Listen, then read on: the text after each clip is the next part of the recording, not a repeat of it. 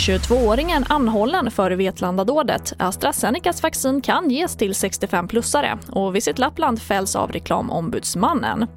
Ja, här är TV4-nyheterna som börjar med att en 22-årig man som greps efter attacken i Vetlanda har anhållits misstänkt för flera fall av mordförsök.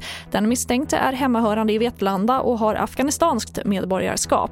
Sju personer blev oprovocerat attackerade och skadade. Samtliga är män i åldrarna 35 till 75 år.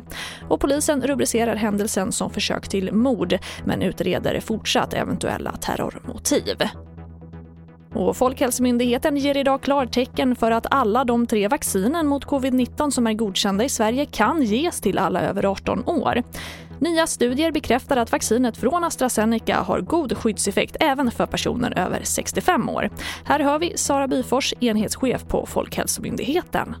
Vi hade ju tidigare, i början på februari, gick vi ut med en rekommendation om att man inte skulle ge AstraZenecas vaccin till individer över 65 år. Och det berodde på att det helt enkelt inte fanns tillräckligt med data där man kunde då se hur god effekt AstraZenecas vaccin skulle ha i de äldre åldersgrupperna. Och nu har man kommit med studier, bland annat från England och eh, Skottland, där man visar att AstraZenecas vaccin har en väldigt god skyddseffekt, även för de som är 65 år och äldre. Och därmed kan vi ta bort den rekommendationen och istället säga att vaccinet, AstraZenecas vaccin kan användas eh, för alla i alla åldrar då, över 18 år. Och vi avslutar med att turistsajten Visit Lappland fälls av reklamombudsmannen RO för vilseledande reklam. Det rapporterar nyhetsbyrån Siren.